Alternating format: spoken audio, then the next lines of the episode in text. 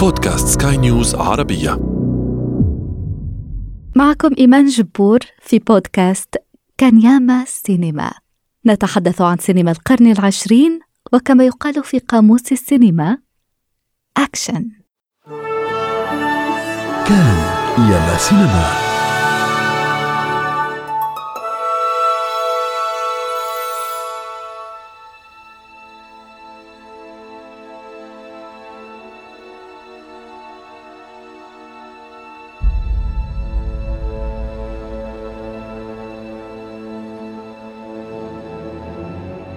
في البدء يبدو مجرد فيلم بوليسي آخر رجال الشرطة يتقفون أثر قاتل مختل لكن ونحن نتقفى بدورنا خطى الشخصيات داخل عالم وحشي نترنح أمام مجريات الأحداث وننخرط في لعبة التشويق طوال الطريق You know, this isn't gonna have a happy ending.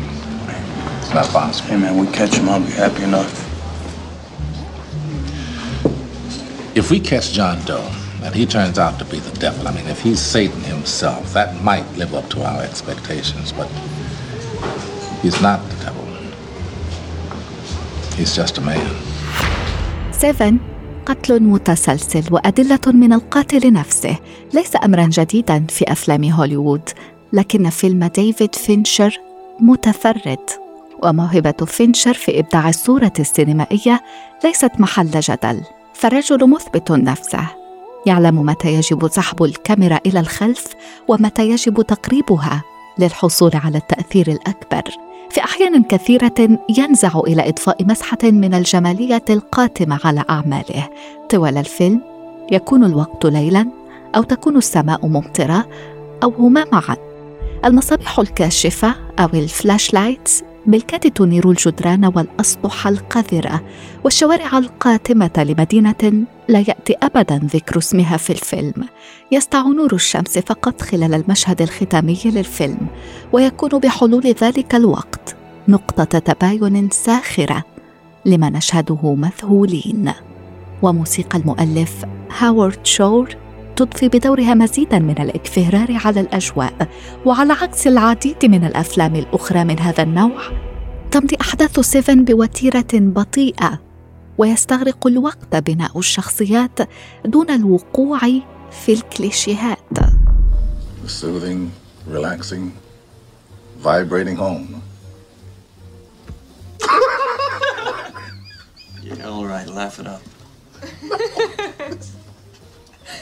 I don't know why you're laughing. all right already. الشخصيتان الرئيسيتان ثنائي محققي الشرطة لعب دورهما كل من مورغان فريمان وبراد بيت وبينهما تلك الكيمياء الساحرة التي تشدنا في كل مشهد يجمعهما ثم في النصف ساعة الأخيرة نتمكن أخيرا من مشاهدة كيفن سبيسي الذي أدى دوره الخرافي في هذا الفيلم She begged for her life, Detective. Shut up! She begged for her life. Shut up! And for the life of the baby inside of her. Shut up!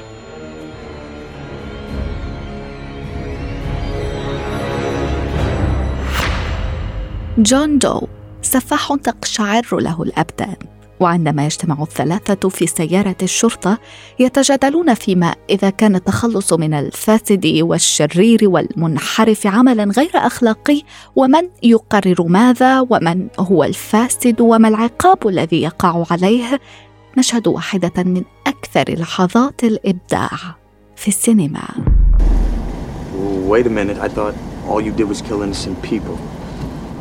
Innocent? Is that supposed to be funny? But that's the point.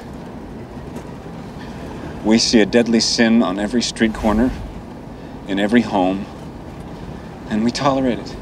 We tolerate it because it's common. It's we tolerate it morning, noon, and night. مع اننا نكره الاقرار بان نتفق الراي مع قاتل لكننا نعلم ان جون دو على صواب بشكل ما سيفن فيلم الخطايا السبع المميته ومن منا لم يقع في الخطيئة. لكن أكل من أذنب يستحق الهلاك بطريقة بشعة. على يد السفاح.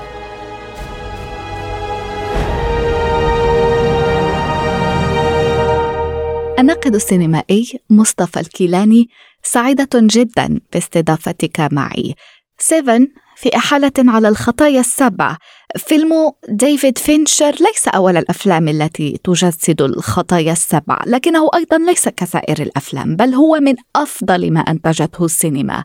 محاربة الشر مقدر لها أن تكون نصرا باهظ الثمن. مصطفى الكيلاني انتصر الشر لأن المحقق ديفيد أطلق النار على جون دو. انتصر الشر لأن Seven حقق نجاحا فاق التوقعات. انتصر الشر لأنه فعليا قدر جون دو في نهاية الفيلم إنه يوضح إن هو الخطيئة السادسة عنده كانت الحسد والخطيئة السابعة كانت عند المحقق الشاب هي الغضب. قدر يثبتهم جندو بكل براعة كقاتل محترف في أحد أهم أفلام الرعب الواقعي. دي المرحلة اللي بدأت في التسعينات وطول الوقت إحنا بنشوف أفلام الرعب عبارة عن أشباح و... وعفاريت وغيرها لكن بدأت في مرحلة التسعينات يكتشف العالم اللي هو ما يجسده المثل المصري الشعبي الصميم اللي هو معفريت اللا بني آدم. هو ده النموذج اللي اشتغلت عليه السينما الهوليودية وعدد من فلاسفة الكتابة والإخراج على رأسهم ديفيد فينشر. فاشتغلوا على ده وهو كمان اللي هو عامل بعديها فايت كلاب بعد الفيلم ده بأربع سنين نفس المنطقة. فكرة العنف اللي في إطار رعب أنا يعني بقدم الرعب الحقيقي الواقعي في المجتمع الأمريكي من خلال شخصيات إحنا ما بنشوفش بالمناسبة ما بنشوفش جرائم ما بنشوفش فعل الجريمة نفسه مش بنشوفه لكن هو سمح لخيال المشاهد إنه يغوص مع الفيلم ويتخيل المشاهد كيف تم عمل تلك الجريمة. خمس جرائم خمس جرائم في دور القاضي والجلاد في نفس الوقت. والجريمة السادسة ارتكبها باعتبارها هو خطيئته وهو هيحكم على نفسه بإنه يقع تحت إيد المحقق الشاب اللي هو اغتصب زوجته وقتلها وهيقع تحت إيد الخطيئة السابعة وهي الغضب. الفيلم حبكته الدرامية مبنية بشكل جميل جدا وأنت من أول لحظة أنت في حوار فلسفي راقي جدا وعميق جدا ما بين الاثنين محققين ومع بعد كده مع المجرم عند اكتشافه. الحوار ده مش حوار بسيط خالص. حتى كمان الحوار مع الضحية اللي, بقى اللي هتبقى بعد كده اللي هي زوجة المحقق الشاب مايلز ما بينها وما بين مورجان فريمان كان. المشهد ده أصلا مشهد هما الاثنين بيتكلموا مع بعض واحد من أفضل المشاهد في سينما هوليوود شايف إنه الفيلم أكثر عبقرية مما قوبل به وقتها في لجان الأوسكار التي لم ترشحه إلا لجائزة واحدة فقط هي جائزة أحسن مونتاج رغم إن الفيلم ده يستحق جوائز كتير جدا جدا جدا. وده يدخلنا في منطقة تانية إن فكرة إنه جوائز الأوسكار ما هياش دلالة على قوة الفيلم ولا على جماله ولا على روعته الفنية. جوائز الأوسكار هي في الآخر دلالة على لوبيات الشركات والطريقة اللي بتوجه بيها صناعة السينما في هوليوود. إنه فيلم بتلك العظمة وبتلك الأفكار المهمة ما يترشحش غير لجائزة واحدة ما فيهاش حتى جائزة تمثيل. ما فيش جائزة للموسيقى بتاعته اللي هي كانت معبرة عن كل المشاهد. فيش جائزة الاخراج فيش جائزة أفضل فيلم.